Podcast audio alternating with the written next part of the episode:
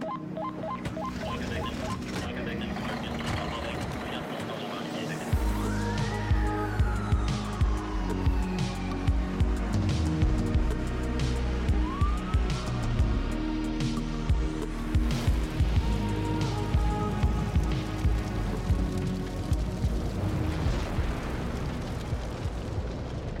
Hei og velkommen til eh, dagens episode av podkasten Brannkast. I dagens episode skal vi snakke om rollen som sjåfør og utrykning. Vi skal snakke om hva det er, hva de gjør, og utfordringer med dette. Til dagens episode har jeg fått med meg en eh, utrykningsinstruktør. Ernst Johannessen fra Haugesund brannvesen. Velkommen. Takk skal du ha. Så Ernst, fortell litt om deg selv og din eh, erfaring som sjåfør. Ja. ehm, det som er min bakgrunn, den starta i Røde Kors. Eh, var litt i ambulansetjeneste der før det ble ambulansetjenesten til Helse Fonna. Eh, etter hvert så ble jeg da instruktør i utrykningskjøring og har siden 2005 vært heltidsinstruktør. Eh, Med et lite opphold nå hvor jeg gikk tilbake til læreryrket og var bare stempla innom der. Og, men nå er jeg tilbake igjen med utrykningsinstruktør og finner vel dette mest interessant. Det som eh, ellers, min bakgrunn, det er Har hatt eh, nå det siste året noe kjøreopplæring i Etiopia for en ambulansetjeneste i Addis Abeba. Har vært der nede to ganger nå. Og tanken er vel at det blir iallfall én runde til, så får vi se. Ellers er jeg litt opptatt av dette med store kjøretøy og med utrykningsskolen gikk jo òg til anskaffelse av en brannbil i 2011, var det vel. Og ser jo der at det, her er det utfordringer i forhold til, til den, og har vel begynt å brenne litt for opplæring med, med store kjøretøy, og ser verdien av det. Så det er litt eh, kort om meg, egentlig. Ja, ok. Dette Etiopia. Eh, hva, var, eh, hva var grunnen til at du eh, dro dit, egentlig? Kan du fortelle litt om den bakgrunnen der? Ja, det var litt tilfeldig. Fikk en forespørsel om å ha, en, ha et kjørekurs for en Nordic Medical Center, som er et sykehus i Addis Abeba. Hvor de var sju sjåfører. Og var først der nede i april i fjor og kartla litt. Og så i november da kjørte vi et eh, pilotprosjekt eh, for den kjøreopplæringen for det sykehuset. Og eh, så kom litt tilfeldig oppi det, og så er det litt evalueringer og tilbakemeldinger og drøftinger nå som skal til, og så skal det vel en runde til der nede. Ja, kult. Hvordan er det å kjøre der nede, egentlig? ja. Nei, å kjøre der nede, det er, det er jo et eventyr, det. Eh, Kjørekultur er jo én ting. Og kjøretøyene, veinettet, er jo sånn som det er. Men eh, eh kjørekulturen og holdningen er nok òg. Så den, når var den her i november, den ene dagen der, så var det jo 49 trafikkdrepte bare i Addis Abeba. Og det var to sånne dager hvor det var rundt 50 som omkom i trafikken. Så hva normalen ligger på der nede i, i byen, det, det, vet jeg ikke, men det, det er stort. Og, men det henger jo litt med kjøretøyene og O som ikke er Altså det er gamle biler og har ikke de sikkerhetssystemene som vi er kjent med her hjemme. Mm. Ja, vi er nå ganske heldige her i Norge. Eh, men Ja. hva, er, hva, er en, eh, hva er egentlig en sjåfør i brannvesenet? Mm. Sjåførens oppgave tenker jeg, er jo først og fremst å altså Oppgave og ansvar til sjåføren er å frakte utstyr og personell trygt og effektivt fram til brann og et ulykkessted. Og for å få det til, så sier kan vi si, altså de store linjene nå at storsamfunnet sier det at eh, hvis hensikten er å redde liv eller store materielle verdier, så skal vi tillate et litt større risikonivå på den kjøringen for å få redningspersonell og redningsutstyr fram, eh, men ikke for enhver pris. Så at det er jo da eh, På den ene sida sier en at det er greit, men det baserer seg på at det skal være en solid opplæring i utrykningskjøring og det å forstå trafikkbildet. Og en får ganske frie fullmakter til å eh, sørge for det, den oppgaven og få det utstyret og personellet fram. Mm. Så at en får lov, rett og slett får lov å kjøre på egne vurderinger. Ja. Du nevnte her med opplæring. Hvordan blir man egentlig en eh, sjåfør, da? For å bli sjåfør så er det et uh, kurs, kode 160-kurs, som det kalles. altså Det gjenspeiler da den koden du får i førerkortet, nasjonal førerkortkode, som går da på utrykningskjøring. Ja, OK. Eh, hvordan får man uh, dette utrykningssertifikatet, eller kode 160? Hva, hva krav er det til dette, egentlig? Ja, der er det jo sånn at det er noen godkjente kursarrangører for å drive med det. Noen er store, og noen er små. Men det er Før en kan begynne å ta de kursene, så må en dokumentere at en har behov for det. En må ha tilknytning til en nødetat. Enten eh, ambulanse, brann, legevakt. Eh, de frivillige organisasjonene som har behovet, utrykningskjøretøy. Altså Det er tilknytning, og så er det helsekrav. Det er det strengeste helsekravet som kreves. Og at en må ha hatt førerkort klasse B uavbrutt de to siste årene. Da kan jeg starte opplæringen. Og opplæringen i seg sjøl for å bli utrykningssjåfør er Det er noen innledende øvelser og sånn og sånn, men hovedkurset, hoveddelen, er da 45 obligatoriske kjøretimer eh, i bil. Eh, som da består av eh, både bak rattet og baksetet, hvor de i baksetet skal observere og gi tilbakemeldinger til det som foregår. Så en, Det er ikke pause når de sitter i bakrommet, men det er en observasjonspraksis. Og så er det teoriprøve og oppkjøring hos Statens vegvesen. Ja. Å sitte baki høres, det høres ganske tungt ut å følge med. Det er jo nesten litt sånn at du har lyst til å slappe av når du er, når du er ferdig å kjøre, da. ja, det, det er det. Og men der ser vi at læringen er, er ganske god. Og um, med å sitte bak og bare få observere, slippe å, å gjøre det sjøl. Og um, for min del, når jeg begynte med dette, her, så så ikke jeg heller poenget i at de skulle sitte bak. Men nå ser jeg jo at det er kanskje der, i starten av kursen i alle fall, at den beste læringen er. At de kan sitte bak, observere og, og reflektere litt over hva som skjer, og at de kan flytte fokus.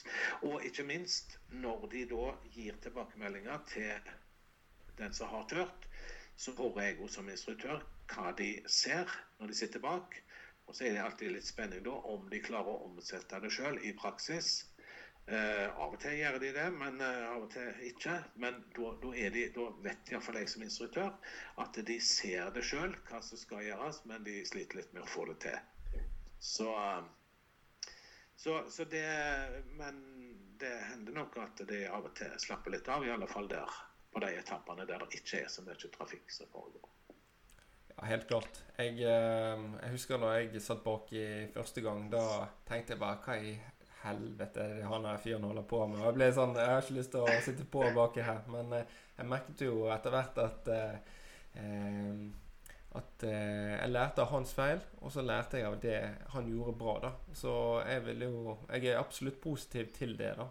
Men sånn i forhold til vedlikeholdstrening, er det, er det krav? Bør det være et krav? Og altså mm. eh, uh, Ja.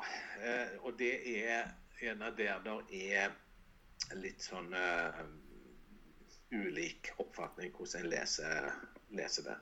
Men vi har utrykningsforskriften som er ganske tydelige på det. Uh, at det er et krav at et hvert tjenestested skal ha en plan og en instruks for hvordan sånn trening skal holdes ved like.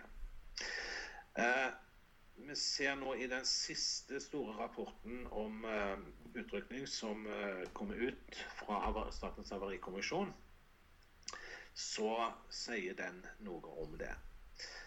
Uh, de, sånn som de mener at eh, Eller forstår utrykningsforskriften, så, så skal det for det første være noe imellom eh, når en har hatt kode 160-opplæringen i liten personbil, og før en begynner å kjøre operativt. Og Der viser de jo til arbeidsmiljøloven. At det da skal være noe der. Og så mener de òg at for å oppfylle forskriftens krav, som de skriver, så må en sånn vedlikeholdstrening foregå i store kjøretøy. Ehm, for det er altså type kjøretøy som forskriften snakker om. Der mener Havarikommisjonen at det da snakker vi om vektklasse store kjøretøy. Og for vedlikeholdstrening med utrykning så kreves instruktør. Men så sier de òg at det er òg viktig med vedlikeholdstrening i aktuelle kjøretøy, men da utenom utrykning. Det å bli kjent med de bilene som de har på stasjon, og lage et system på det. Men selve utrykningskjøringen med store kjøretøy og den energien og massen, tonnasjen, som er i bevegelse da, den, eh, den eh, er de tydelige på må, bør eh, foregå i store kjøretøy. Og så ser vi at Havarikommisjonen òg kommer med noen tilrådninger til Statens vegvesen. For i dag så Det er et krav med vedlikeholdstrening, men eh, det er ingen eh, sanksjonsmulighet om en ikke gjør det. Folk får fornya eh, utrykningsbevisene sine, eh, og, og, ting er god gang helt til det smeller. Og vi ble eh, invitert i september i fjor til Havarikommisjonen, der de ønsker å høre våre erfaringer med bruk av store kjøretøy i opplæring. Og på de eh, ni årene som vi nå har holdt på, åtte-ni år, så, så, ser vi nok ei utvikling som uh, uroer oss litt. Hva er det som uh, uroer dere, da? Um, er det noe på heltid eller deltid du tenker, eller? Uh, jeg tenker, tenker, nok spesielt det som går på utrykning med store kjøretøy. For uh, i dag så er kode 160, altså grunnopplæringen i utrykning, det foregår i personbiler. Og vi ser da det som blir brukt, det er jo Mercedeser, BMW-er, Audier, Passater som ligger godt. Og så der lærer en å kjøre utrykning, får en stil. Og så tar de lappen på lastebil Eh, og lærer så vidt å kjøre lastebil, som vi sier. For en brannmann slipper å ta ISK, eh, men opplæringen i lastebil, for den så er jo det en åtte til ti timer normalt kjøretid for å, før, de, før oppkjøring. Og da kan en uh, klatre opp i en brannbil og kjøre utrykning. Og Tidligere så var det jo sånn at eh, når en hadde tatt førerkort for lastebil, så kunne en jobbe litt som en lokal entreprenør, kjøre nattbuss eller et eller annet, og, og få litt storbilerfaring. Men så kom kravet om ISK, eh, men det gjelder ikke for brann. Som gjør at svært få brannmenn tar eh, det ISK-en, og har da kun bruker kun førerkortet sitt til å kjøre brannbil under mm. utrykning, og får da lite trening. Vi advarte, eller uttalte, allerede i 2015 eh, til myndighetene at vi da var bekymra for utviklingen av kvaliteten på brannbilsjåfører i Norge. Eh, og frykta at det vil skje alvorlige ulykker med brannbiler framover.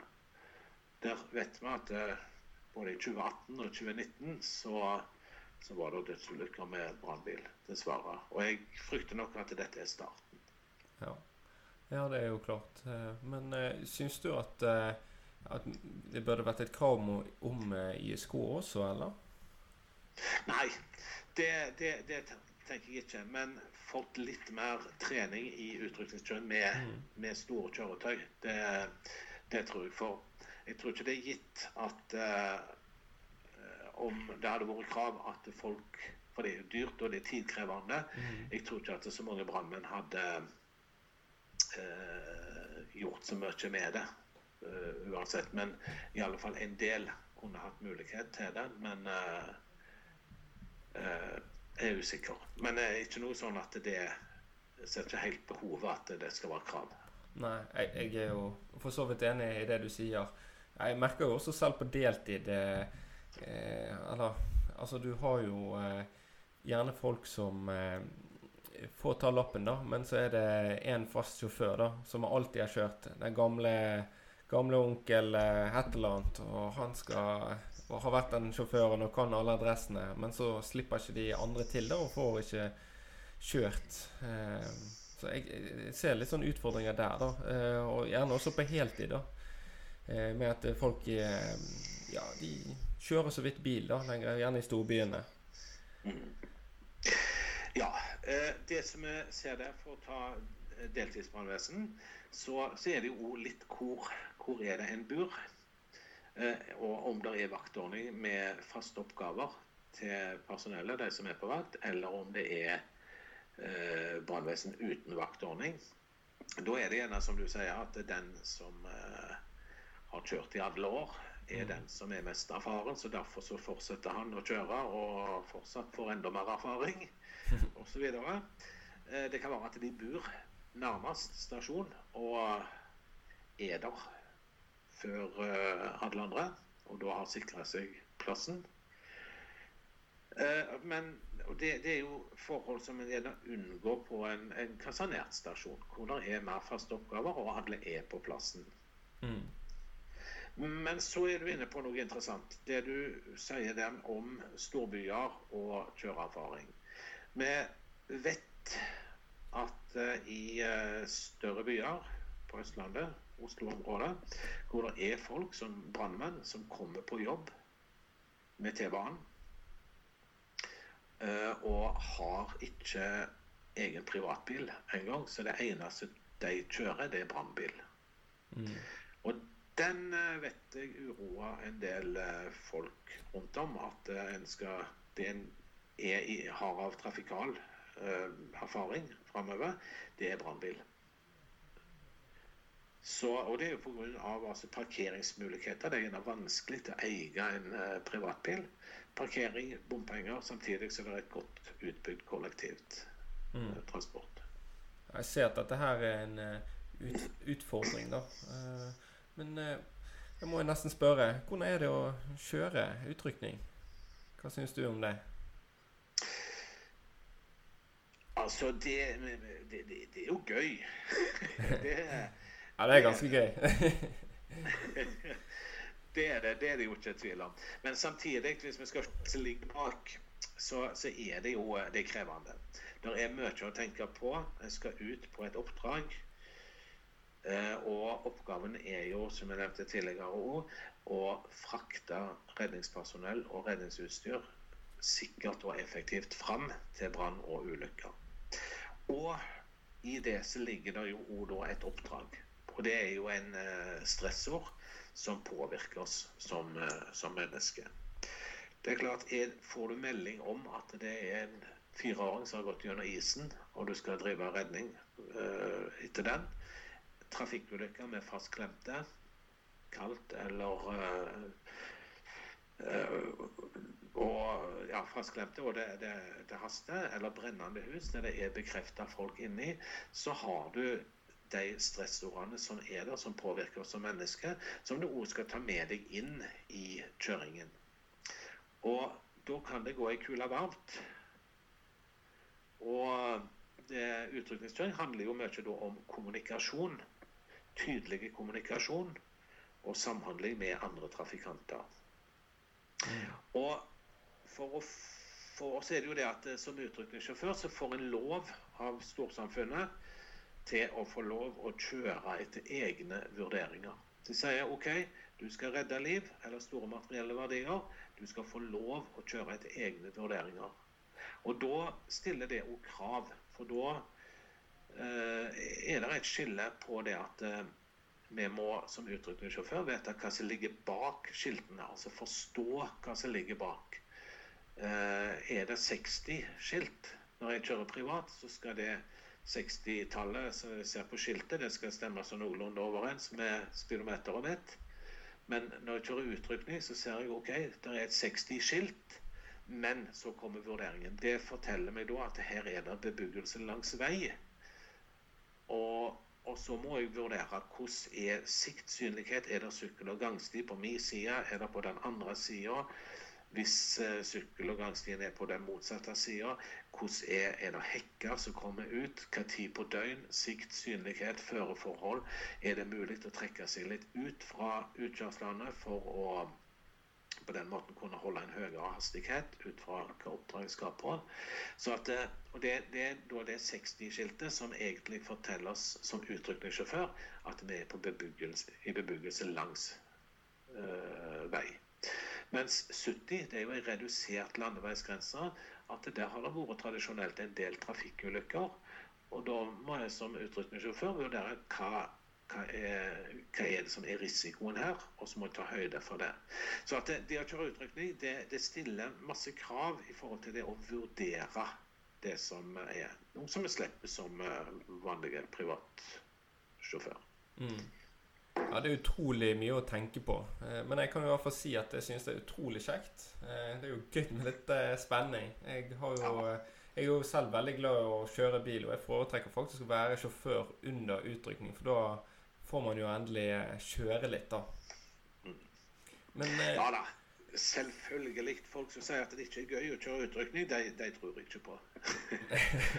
Helt klart. Men er det noen farer ved utrykning? Ja, mange. Mm. Der, er, der er det. Eh, det er jo det at eh, når vi kjører utrykning, så er det klart at vi fraviker jo. Vi tuller til hele trafikkbildet for folk.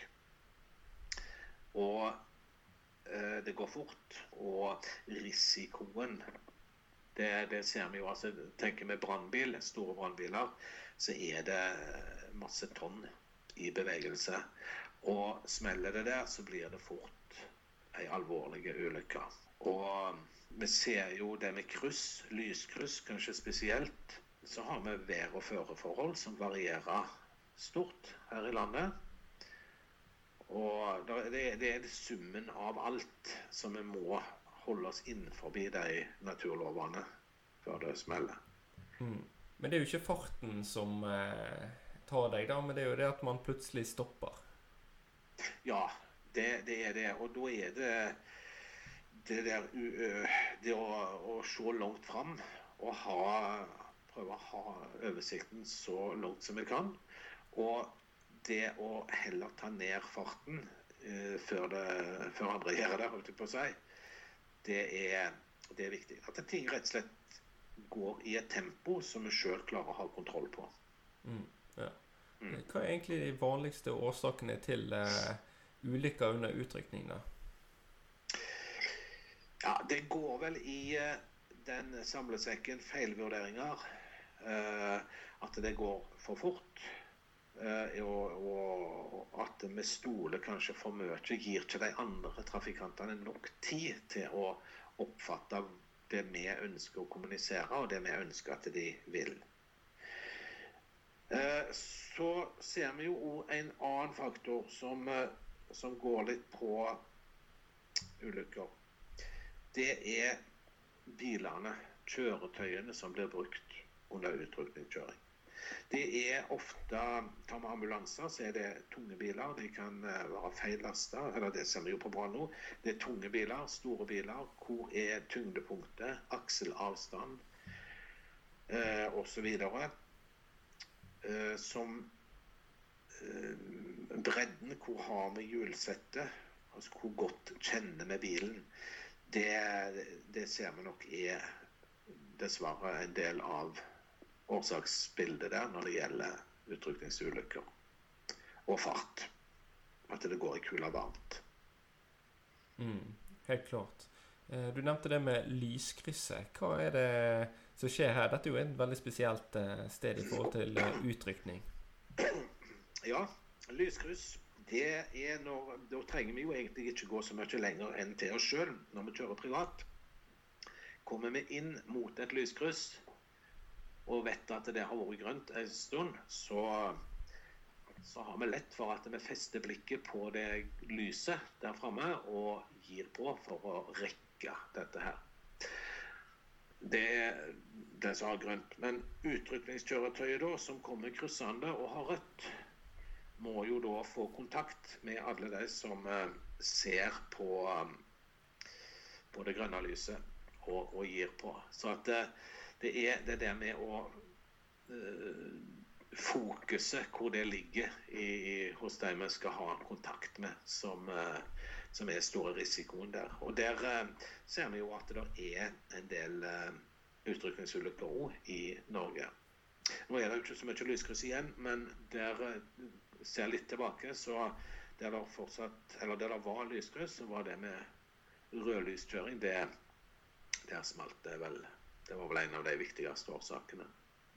Men der ser vi i andre land så så, så har ikke utrykning Altså i, i, en del land med, med større byer og litt annen befolkningstetthet enn det vi har her i Norge, så har ikke utrykningskjøretøy lov å krysse rødt lys. Da tar de seg fram til, til lyskrysset, og så venter de til det blir grønt. Mm. Jeg har jo selv, selv, sett i eh, Japan da, at uh, der uh, kjører ikke de fortere enn fartsgrensen engang. Der kjører de helt vanlig, og så viker de til viker de andre trafikantene for utrykningskjøretøyet når det eventuelt har nådd opp til de da. Mm. Og det tror jeg nok er fornuftig eh, å få den der jevne farten. Det å finne en marsjfart, som vi sier her vest, eh, som, eh, som, tar trafikken, og at vi bare glir igjennom, at det bare åpner seg. Da, det, det, er et vakkert syn når, når det åpner seg, men da, da, forutsetter det at eh, de andre trafikantene har nok tid. Og da snakker vi om effektivitet. Mm. Ja, det er et vakkert syn. Eh, spesielt eh, når du kjører inn i rushtrafikken, gjerne på en motorvei, da, og så blir du eh, selve Moses når du kjører på motorveien der. Ja, det er vakkert å se. Det åpner seg som et hav, og ser i speilet, så lukker det seg, sånn som du beskriver i den beretningen der om Moses. Men eh, over til sånn eh, mørke og lyse kurver. Eh, de som har tatt eh, kode 160, eh, vet vel eh, litt hva dette her er. Men du kan jo gjerne fortelle litt om hva dette er for de som ikke har tatt det. Ja. Vi snakker om mørke og lyse kurver.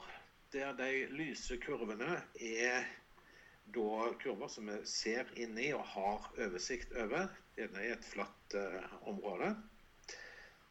Eh, de mørke kurvene er der vi ikke har kontroll. Der går sving. Det kan være eh, trær som eh, dekker sikt. Det kan være fjell og, bebyggelse, hva som måtte være, som hindrer sikten. Og det som er der når vi kjører utrykning, så får vi lov å kjøre på vurdering, som du sa.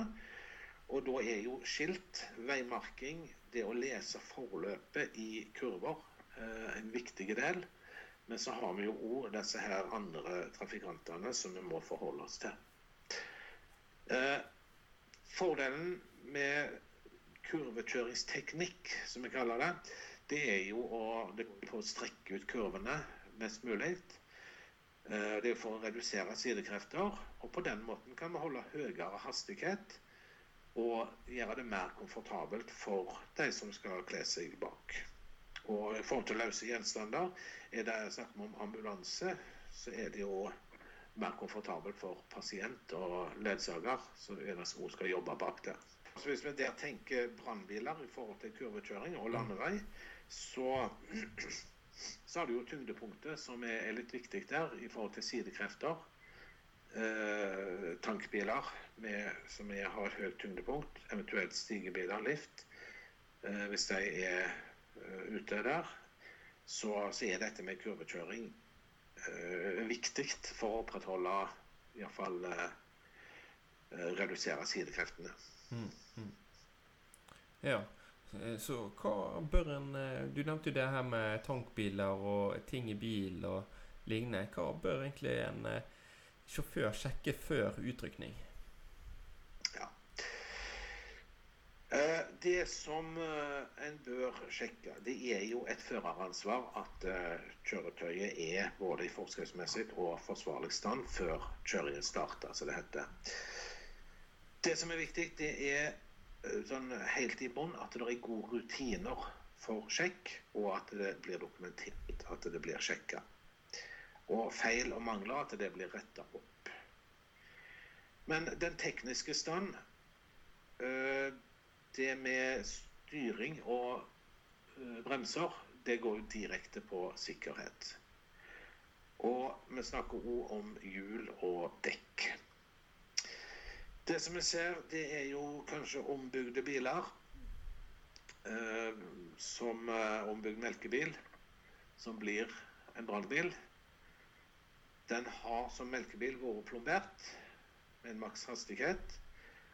Og så tar en ut plomberingen, og bilen kan gå raskere. Men der har vi sett når vi har vært ute og, og sjekka, at uh, hastighetskodingen på dekk ikke er tatt hensyn til. Så at en da står på, uh, på dekk som har én hast, hastighetskoding som ikke helt samsvarer med den hastigheten en bruker bilen til nå i sin nye bruk som brannbil.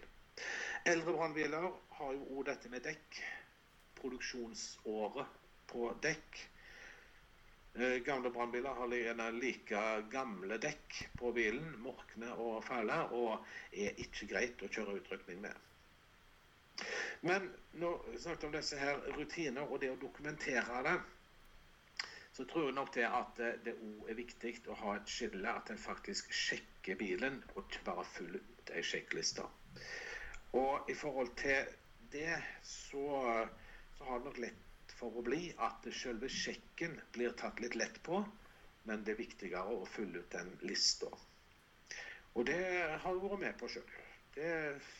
For, eh, for, en del år siden så hadde vi iallfall fulgt ut lista, at alt var i orden. Men når vi etter første tur og hadde stoppa, så seiv alt luftet ut av det ene eh, hjulet der, dekket, for eh, da var det noe som hadde ligget og gnagd. Og når vi så på det, hadde tatt eh, dette hjulet av og så på dekket, så så vi jo at eh, det var ikke bare vi som hadde gjort en dårlig dag på den morgensjekken. Det hadde de nok helt sikkert gjort dagen før og dagen før det, og sikkert noen dager til. Så holdningen der til å faktisk sjekke uh, kjøretøyet er, er viktig. Mm, ja, helt klart. Eh, ofte så går det litt på kompetanse og kjennskap til det her. da. Eh, jeg har jo selv opplevd sjøl at eh, jeg tok morgensjekk på et par biler. da, Og eh, da eh, var, skulle sjekke om røykdykkermeisene og utstyret eh, sjekke, sjekke, om de lakk. da. Og da fant jeg ut at av seks av åtte meiser, de, de lakk. da. Og eh, spørsmålet er hvor lenge har dette vært, for da var jeg ny der. da. Og, eh, men det går jo på kompetanse, om de kjenner til hvordan faktisk du kan sjekke ting. da. Eh, så der tror jeg det er veldig mange som har mye å gå på, spesielt på lastebiler. Eh, som sagt, du, de, folk tar jo gjerne bare eh, lastebillappen da, og får ikke den erfaringen og kunnskapen om eh, selve bilen og hvordan den fungerer på en ordentlig måte. Absolutt. Og den eh, Der er det viktig med, med fokus på det. For det er mye som blir gitt opplæring i og øvelse på. Det blir trena på, på varmedykk og kalde dykk og slukking osv. osv. Men det som vi gjør på hver eneste tur en er på, utrykningskjøring, det har ikke alltid den samme fokus. Og vi ser vel det at en del eh, brannsjefer rundt om snakker om at eh, som har satt fokus på utrykningskjøring, omtaler vel det som at det er gjerne det farligste en driver på med i trafikken. For det er ikke noe vi bare sjøl har kontroll på, det, det er andre trafikanter og mange ytre forhold som en ikke har kontroll på, og konsekvensene blir store. Så det, det er nok en, en, liten dreining der i, i, forhold til fokus. Men vi ser jo det at eh, fortsatt er det mye å gå på der når det gjelder fokus på utrykningskjøring.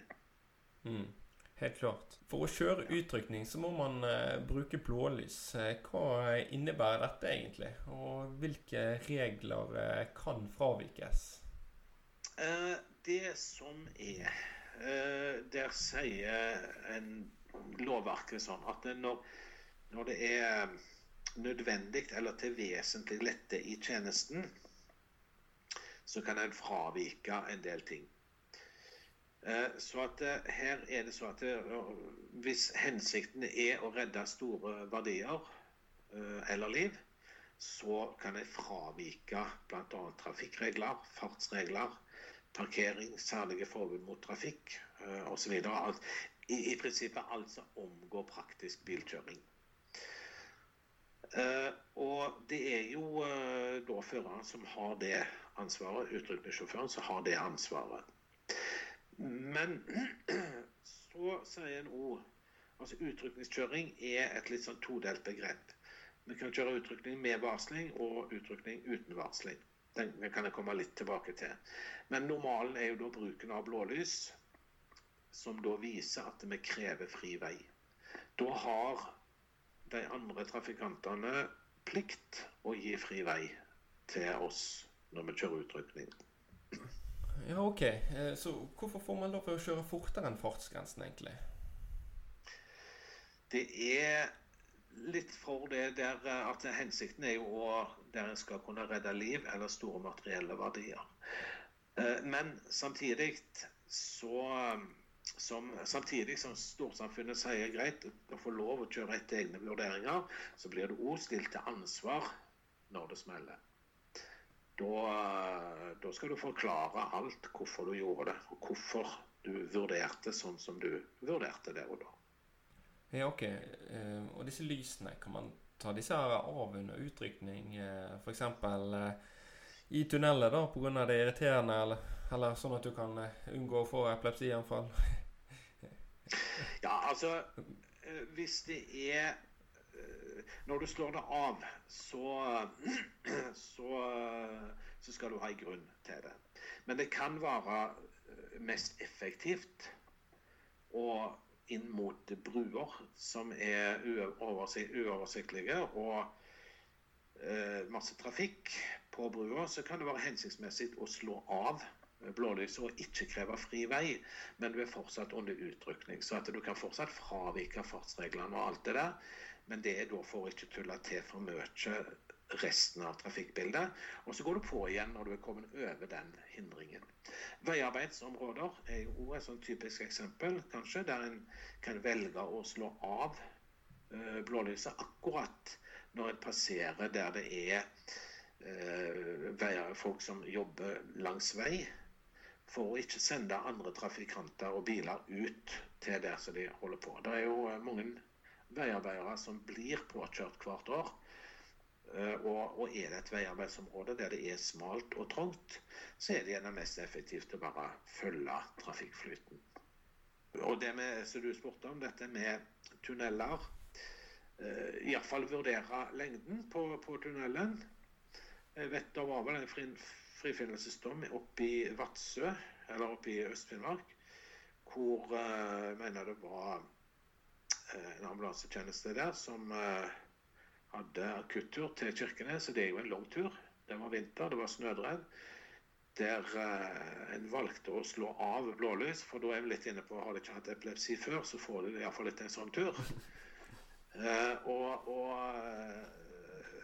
det ble en, en, greie der, men han ble da frikjent fordi at utrykning uten varsling er, er, tillatt i spesielle tilfeller. Det er men for brann og ambulanse så er det gjerne mer de spesielle trafikale utfordringene. Eller at det er spesielle hendelser hvis det er noe som skal hoppe. True med å hoppe fra høye bygninger for å ikke eskalere situasjonen for å komme fram. Men de som gjerne bruker det mest, er vel politiet i forbindelse med bevissikring. Hvis de skal måle hastighet på en bil over tid. Eh, spaning osv. Hvor, eh, hvor politiet har nok litt større bruk for det enn eh, brann og ambulanse. Men eh, i forhold til trafikale forhold så, så kan òg brann og ambulanse nytte det. Mm. Har vi alltid brukt lys under utrykningen? Eh, det har kommet litt, litt, gradvis. Det har det. Går vi, jeg er litt usikker på hva årstall vi snakker om, men jeg vet eh, tidligere så var det sånn at ambulanser hadde hadde mer som et, et taksilys. At når de hadde pasient i bilen, så, så de, måtte de tenne det lyset som da symboliserte. Men da var det nok gjerne ikke for å kreve fri vei, men det var gjerne å bli tatt hensyn til. Men, eh, men jeg vet det var noe der. Ja, ja OK. Eh, du nevnte i stedet at biler skal gi fri ferdsel eller fri vei. Eh, hva innebærer dette egentlig? Er det noe man eh, som trafikanter bør eh, gjøre og ikke gjøre? Eh, hva er liksom disse her vanlige feilene eh, ved å gi fri ferdsel? Nei, Det er jo det som uh, vi ser, det er det vi kaller for bil, bil 2-situasjoner. At uh, når det er ei rekke som kjører, og biler litt fram i køen ser det, og da bremser og trekker til, til sida, så har du de bilene bak som bare kjører forbi. Som mm. du ikke har fått med seg. Og der tror jeg nok eh, det at hvis en uh, har noe sånn unormalt som skjer i trafikken, så kan det ofte være lurt å, å sjekke speil. Vi ser vel òg at en får panikk og stopper uh, alle plasser. Og det skal bli litt spennende nå denne sommeren som vi nå går inn i, denne koronasommeren, hvor mange har kjøpt campingvogner og bobiler. Og eh, både hvordan det skal bli. Og så vet vi vel det at når vi ligger bak som privatsjåfører, når vi ligger bak en campingvogn eller en bobil, så er det én ting som er viktig i livet. Det er å komme forbi. Og det er noe vi som utrykningssjåfører må ta gjerne spesielt uh, fokus på dette året. At uh, Spesielt hvis det er en bobil eller bil med campingvogn som kommer i møte og har biler bak seg igjen. At når, eh, når de da ser utrykningskjøretøyet, eh, så bremser de kanskje og setter på blinklyset, som de bak vil oppfatte som en invitasjon til å komme forbi. Så at eh, da kan det fort bli noe møte, møte med, med utrykningskjøretøy ut på, på det. Så den, eh, den, tror jeg nok at vi skal være litt obs på nå. At uh, den sommeren vi går i møte. Ja, jeg er jo helt enig. Uh, ser jeg en campingvogn, så må jeg forbi. Ja, det, der er vi vel alle. nei, nei, da, men ja, det, er, det, blir veldig spennende sommer. Det, med alle, alle, de norske trafikantene som skal ut nå. Den norske naturen det kan by på store utfordringer. Det, det, kan det. Og vi ser vel ikke vekk fra at dette blir en eh, holdt på å si, folkevandring på, på veien. Mm, mm. Eh, så hva bør man gjøre når man ser dette her blålyset, da? Eh, det som eh, er Prøv iallfall å se hva utrykningssjåføren prøver å kommunisere. Mm. Se på plasseringen til utrykningssjåføren. Hva, hva vil en? Men det som er bruk blinklys og senk farten og trekk ut til kanten høyre. Det Hvis det blir gjort, så er, er mye gjort allerede. For vi ser i forhold bare det å redusere farten kan vi bare sette litt tall på det. Hvis vi som utrykningskjøretøy ligger i 90 km i timen og skal forbi en bil som ligger i 80 så vil vi ha behov for 630 meter med vei for å komme forbi den. Men hvis den andre bilen reduserer fra 80 til 70, så vil forbikjøringsstrekningen bli halvert til 315 meter. Alternativet, hvis vi skal kjøre forbi, da må vi øke farten 100, fra 90 til 120 for å få den samme forbikjøringsstrekningen. Så om folk viser at de har sett, reduserer, fart, uh, reduserer farten og trekker ut til kanten, så er mye gjort. Og så det med å ikke stoppe i en sving. Uh, for da kan en ikke kjøre forbi. Det, det gjør en ikke som utrykningssjåfør heller. For en er ikke udødelig i et utrykningskjøretøy. Og, og en må hele tida vurdere på samme måte. Og så er det lett å si at uh, ikke få panikk og behold roen. Men Eh, bruk speil ofte og, og se langt fram, så tror jeg mye er gjort på, på det òg. Ja, helt klart. Det er veldig gode tips. Eh, men er det noen andre virkemidler vi har eh, på, utryknings, på dette utrykningskjøretøyet? Ja, det har vi. Og sånn som vi da tenker, så blålyset Når vi tenner det, så viser vi jo at vi krever fri vei. Og så er det jo da òg viktig at eh, det med utrykningskjøring, det er jo å, å få til ei eh, effektiv uh, forflytning av personell og utstyr. Og skåre helt ned til beinet, da, så kan vi si at det, det som er viktig for utrykningssjåføren, det er å vise at, eller sørge for at folk ser blålyset på, på bilen. Og Da har vi lyshorn, altså langlys.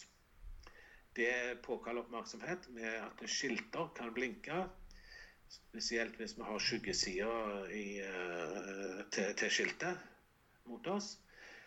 Og lydhorn, altså vanlige tuter, og sirener, det gjør at folk snur seg og, og prøver å orientere seg hvor lyden kommer fra. Og tydelig kommunikasjon, blinklys og vise hvor vi vil. Det er de virkemidlene vi har på bilen. Men i tillegg så har vi jo plassering av uh, kjøretøyet i veibanen. Hva er, det, hva er det vi vil?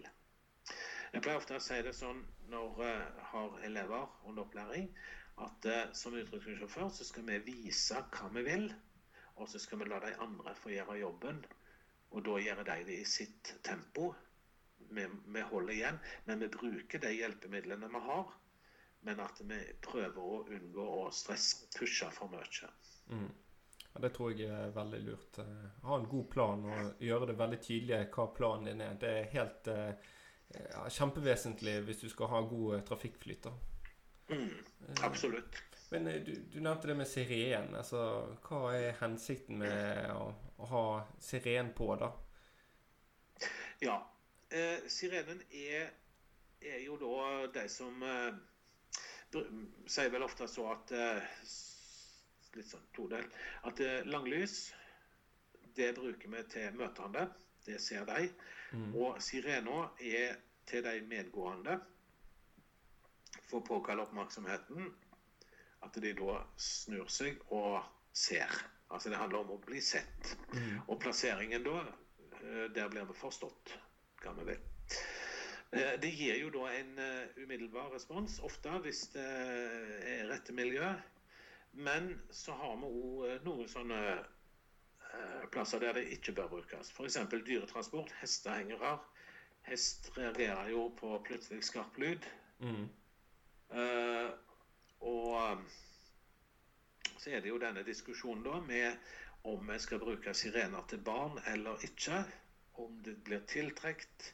Jeg har eh, i mine år ennå aldri opplevd at unger kommer springende og stiller seg midt i veien om en hører sirene. Men som voksen, eh, når vi hører sirene, så har vi ennå litt mer fokus på eh, de barna vi har med oss. Og står det en unge som ikke er vår, og vi ser det kommer en brannbil, eller hører at det kommer en brannbil, så tar vi gjerne òg litt blikk på, på den. Mm. Så Sirena der til, er gjerne ikke til de minste små. For de går ikke i trafikken alene uten at de skjønner hva det er. Men da gjerne til de voksne som har ansvaret for, eller uh, har med seg de små barna. Mm. Så sirena er litt den der vurderingen av bruken av sirena. Ja, er det sånn at man alltid får effekt, eller? Eh? Nei, eh, ikke alltid. På, på landevei så, så har det lite effekt. Men så ser vi òg at det som uh, nå er kommet uh, Det kan jo være høy musikk, det har vært lenge. Men vi ser at de siste årene så er det blitt populært med om det er lydbøker eller hva en har, men det er sånne svære øreklokker mm. som en hører på og stenger bl.a. sirenelyden ute. Mm. At en putter ting inn i ørene og dekker til ørene, som, som gjør at at en holder sirena ute, så at eh, den ikke har effekt. Ja. Eh, så over til bilbelte, da. Er det, altså, i eh, en brannbil, da, er det like krav for oss eh, vanlige trafikanter, eller? Altså, Noen brannfolk de dropper jo denne selen, da. Eh, hva tenker du om dette? Jo, kravene er, er like. Eh, hvis kjøretøyet har montert eh, bilbelte, så er det påbud å kreve det. Eller å bruke det, mener jeg. Eh, men eh, der er eh, der, er jo både så gamle brannbiler der det ikke er krav. Eh, Der ser vi nok at eh, en del eh, eh, brannvesen nå ettermonterer bilbelter. Men så har du den holdningen og holdningskulturen til bruken av det. Der eh, ser vi vel det at eh, det er en del eh, kulturer ute som det der, En ukultur, kan vi vel kalle det. Der en velger å ikke bruke bilbelter. Nærmest som om en blir udødeliggjort når en sitter i et utrykningskjøretøy. Dessverre. Og, det, og sånn er det jo ikke. Smeller det, så smeller det hardt òg i en brannbil. Det har jo gjerne kanskje blitt en vane at man ikke alltid bruker setebelte når man sitter i en brannbil. Jeg har jo selv gjort det tidligere, men nå har jeg blitt mer bevisst eh, på dette. Jeg føler jo selv et eh, ubehag når jeg ikke har det på meg. Jeg føler meg eh, rett og slett naken. Så når jeg er sjåfør, så gir jeg alltid beskjed videre til de i baksetet at det er der for å brukes, da. Men jeg husker jo min aller første utrykning, da og satte meg bak. Eh, og da var det ingen setebelter. Jeg, eh, og jeg syns hele turen var svært eh, ubehagelig og rett og slett skummel. Jeg tok på meg meisen for å holde meg i ro, da. Men så er det sånn at denne her røykdykkermeisen holder som et setebelte. Nei, han, han vil nok ikke det. Uh, Det vil nok hjelpe på, holdt på å si, i forhold til at det ikke er noe, men, men han erstatter ikke et bilbelte. Det, det gjør han ikke. Eh, og det, det er nok, uh, som du beskriver der, dette her med når en Risikoen, altså det med manglende bruk av bilbelte, går jo ikke bare på den som ikke bruker det. For smeller det, så vil jo den personen vandre rundt og kan gjøre stor skade. Det ser vi jo på, på en del eh, ja, enkelte ulykkesrapporter som, eh, som viser at eh, eh, folk som har brukt bilbelte, har blitt drept i kanskje en rundvelt i, i bil av folk som har vært usikre, som da har vandra rundt i, i P-en mens dette har vært i bevegelse og, og, og tatt liv. Så at og, bare ha fokus på at eh, hvis jeg har bilbelte, da er jeg trygg, det, det blir også veldig feil. For eh, alt må være sikra. Ellers så kan den som er usikra, eh, gjøre stor skade. Og da er vi òg inne på løse gjenstander. Da. Men, eh, men i forhold til bilbelte, så, så er den viktig. Og kunne nok redde liv. Ja, helt klart. Eh, ofte er det jo sånn at det er flere utrykningskjøretøy eh, på vei til samme sted. Eh, hva utfordringer er det med dette, egentlig? Har man noen kjøreregler i forhold til det? Eh, ja, da blir, det blir jo litt sånn uformelle, uh, uformelle regler, da. For eh, er det flere utrykningskjøretøy, så, eh, så blir det fort at eh, de som har eh, kjørt forbi, de som har hjulpet oss fram, eh, at de har fokus på det første kjøretøyet. Og, og gjerne flytter blikket ut på, på det. Så at det, det som vi som utrykningssjåfører skal tenke på der, det er avstand. At vi må ligge tett nok. At vi blir oppfatta som et tog. Hvis ikke, så Vi klarer det. Hvis det blir for stor luke, så, så må vi nok bare la den luka få gå og bli litt større. At det blir som to separate utrykningskjører. eh, utrykningskjøretøy. Ja. Eh, og så er det sånn at eh, man får gjerne en alarm eh, midt på natten. Utfordringa på natten er jo at man er kjempetrøtt. Eh, hva bør man gjøre egentlig? Har du noen tips eh, ja, hvis man er stuptrøtt? Ja, eh, det som eh, i alle fall en vet jo om en skal på ei døgnvakt, så at det å ikke rangle og vase for mye kvelden før og natta, det, det, Det er jo det ene. altså Det ansvaret som en forbereder seg på når en skal på, på vakt. Og er det en Prøve å hvile når en kan. At en er uthvilt. For en vet jo aldri hva ettermiddagen, kvelden og natta bringer. Og er det krise, så, så må en gjerne bare gi, kaste inn håndkleet. Bytte roller. Eh, og en skal jo òg yte. Dette gjelder jo ikke bare utrykningskjøring, men òg den jobben en skal ut på, og ha fokus. Eh, men det å ta det med ro, eh, senke farten i alle fall, og, og trygt og sikkert skal det være. Og er vi trøtte, så, så går ting seinere, og vi oppfatter ting òg seinere, og, og må ta høyde for det. Ja, helt klart. Eh, essensen her er jo å være opplagt når man starter eh, eh, jobb, starter på jobb den dagen. Jeg mener jo å lade opp til jobb og ha overskudd når man starter denne arbeidsdagen er utrolig viktig. Da har man en bedre, har bedre forutsetninger til å lykkes. Eh, I stressede situasjoner så kan jo eh, det fort gå litt hardt i svingene. Jeg har jo selv opplevd å måtte gi beskjed til sjåføren om å roe seg ned under eh, utrykning. Eh, for mye støy fra kjøring kan jo, ja, det kan jo ødelegge for de som eh, enten skal kle seg, eller kan skape problemer for utrykningsleder når, eh, når han skal tenke eller videreformidle noe. Så hva er dine tanker om kommunikasjon til sjåføren når han er litt eh, ivrig? da? Jeg mener jo at uh, man kan fort få et dårligere utgangspunkt uh, hvis det blir for mye. Jeg tenker det at å være tydelige. For risikoen er stor. Det har vi sett. Så det å gi beskjed at dette er ikke greit. Og så tror jeg òg det er viktig, for alle oppdrag blir ofte evaluert. Mm. Men det å òg ta med utrykningsturen Hvordan var kjøreturen? Og ha litt fokus på å evaluere den mm. Eh, i rolige former.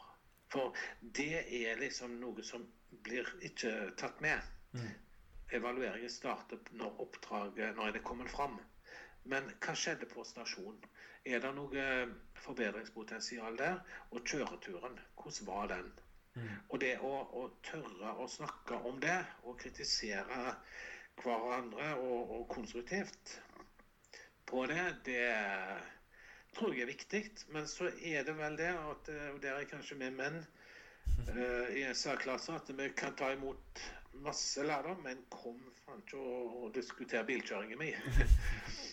der, uh, men der, der, tror jeg nok at vi har et godt forbedringspotensial som, med å, å, å, ta den kjøreturen nå, utrykningskjøringen, ta den med inn i evalueringen.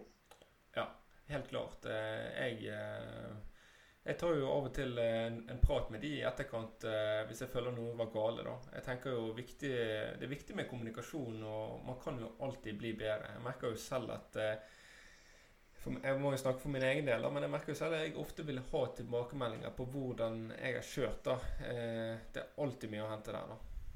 Absolutt.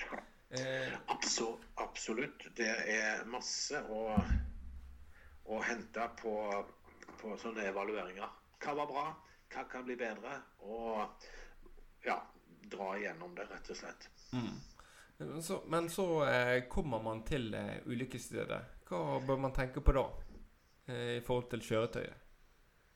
Ja, det som er viktig, det er jo eh, Ja, du kan ha dette med vindretning, andre kjøretøy, mulighet for retrett ikke for nært, hvor er det vannuttak.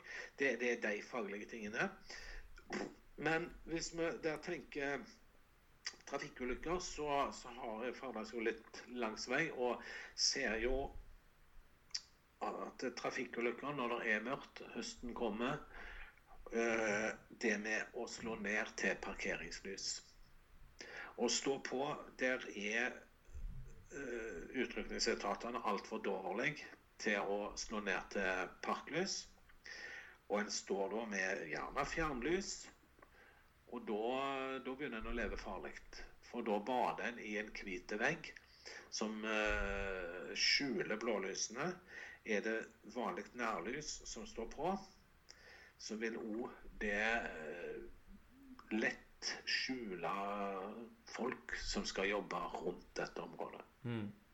Så, så det, det, det, med parklys langs uh, vei ved trafikkulykker, det, det, er noe som har uh, skremt meg mange ganger. Mm. Er, og dette her med det der automatiske blink av fjernlys, hvordan det hvordan det står på. Altså En glemmer å ta den. Og det er jo en viktig sikring av egen arbeidsplass der ute på landeveien. Ja. ja, helt klart. Ja, så under utrykning så kan man jo fort basere noen fotobokser. Hva er det egentlig som skjer når eh, man blir tatt eh, under utrykning? Ja, nå eh, er det jo sånn at eh, turene, det, eller oppdragene, blir jo logga. Litt usikker på om det er kommet noen endring der, at det nå blir tatt stikkprøver. Mm. Eh, men tidligere så, så, måtte en bare sende inn en bekreftelse på at eh, til, til ATK-senteret, eller politiet, da, at uh, den passeringen er gjort i forbindelse med utrykningskjøring. Mm. Uh, så når vi er ute og har opplæring, så, så registrerer vi det i, i logg. Vi pleier å sende det inn når dagen er omme. Og hvis det er noen av passeringene som glipper, at vi ikke har fått det med oss, så, så, får vi mail med spørsmål om det. og Da, går vi bare inn i loggen og ser at vi, vi iallfall hadde kjøring. Men det kan være ting at vi ikke fikk, eh, fikk det med oss. At det var, hadde fokus på et eller annet i, i trafikken. Mm, mm. Så, men eh, hvis eh, det ikke er et reelt oppdrag, at det bare er så eh, en ulovlig passering, som vi kaller det, så, så er det sjåføren mm. forelegget. Du har vel eh, blitt tatt i fotoboks et par ganger, regner jeg med? har det. Så uh, før så, så, måtte vi jo fylle ut et skjema for hver passering, men nå, nå er det gjort enklere. Ja, det hørtes ut som Men vi har jo alt dokumentert gjennom logg, så at det, det, det går greit nå. Ja. Eh, sånn i forhold til eh, landevei og bykjøring, hva er det egentlig som er farligst der? Mm. Eh, litt sånn for, forskjellig. Det tar med landevei, så er den store risikoen der høye hastigheter. Eh, og utforkjøringer der, da, smeller det skikkelig. Det ser vi jo på de siste ulykkene som har vært med brannbiler. Det har vært landevei. Mm. At konsekvensene har blitt store. Bykjøring, der er det jo et tettere miljø. Mm. Der vil nok tro at det er mer småbulking men uten de store personskadene. Eh, så lenge, Men det er klart det er større risiko for å bli påkjørt som fotgjenger mm. I, i bymiljøet. Men eh, så langt så, så, er det jo ikke så mye av det. Så det er, det er vel eh, litt sånn todelt, tenker jeg. Og der tror jeg nok òg at erfaringen og både kompetanse og ferdighetene til sjåføren, hvor trygg en er, eh, ser jo det at når vi har drevet opplæring og vedlikeholdstrening med, med de skolebrannbilene, så, så ser jeg jo det at de ute i distriktene som uh, gjerne kjører lastebil til vanlig i arbeid, som hovedarbeid, mm. uh, det er jo en drøm. De har stålkontroll. Men så har vi gjerne den uh, som ikke kjører lastebil da, da, da, da, kan jeg sitte og knipe rumpeballene sammen en hel dag. Være livredd.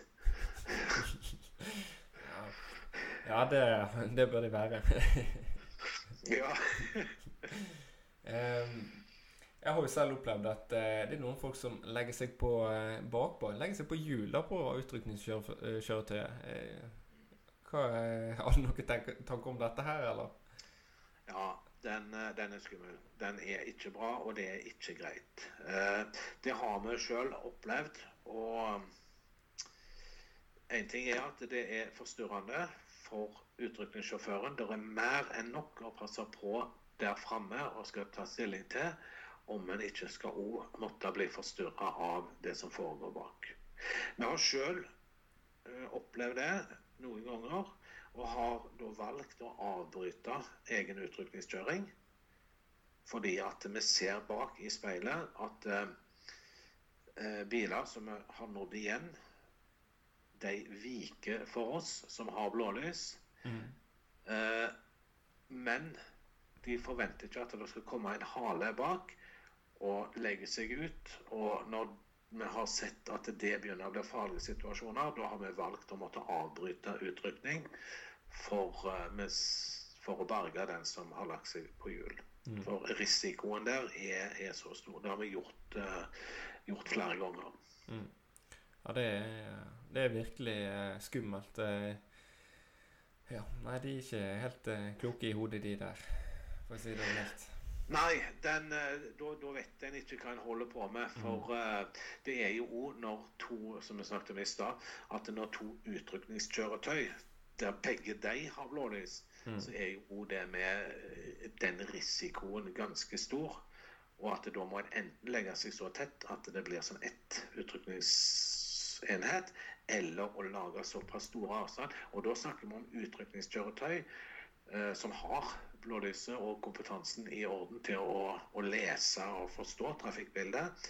Men når en, en vanlig sjåfør legger eller vanlig, en som ikke er vant med utrykning, legger seg bak et utrykningskjøretøy, og da blir det ofte en halvdistanse som eh, er òg risikofullt nok for utrykningskjøretøy som vi, vi prøver å unngå.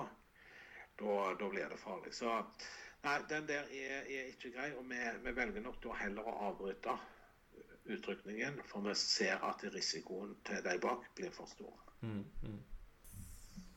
Men eh, Ernst, da er jeg eh, nødt til å runde av episoden. Så nå vil jeg egentlig bare takke deg for at eh, du tok deg tiden til dette. Dette var utrolig lærerikt. Det som er viktig å vite, det er at det ikke er om å gjøre å kjøre fortest, men det er å ha best flyt. Tusen takk. Takk skal du ha. Og Da vil jeg oppfordre alle til å eh, like Brannkast på sosiale medier. Og hvis det er noe du lurer på, eller vil at jeg skal lage episoder om, ikke nøl med å ta kontakt. Eh, Takk for meg.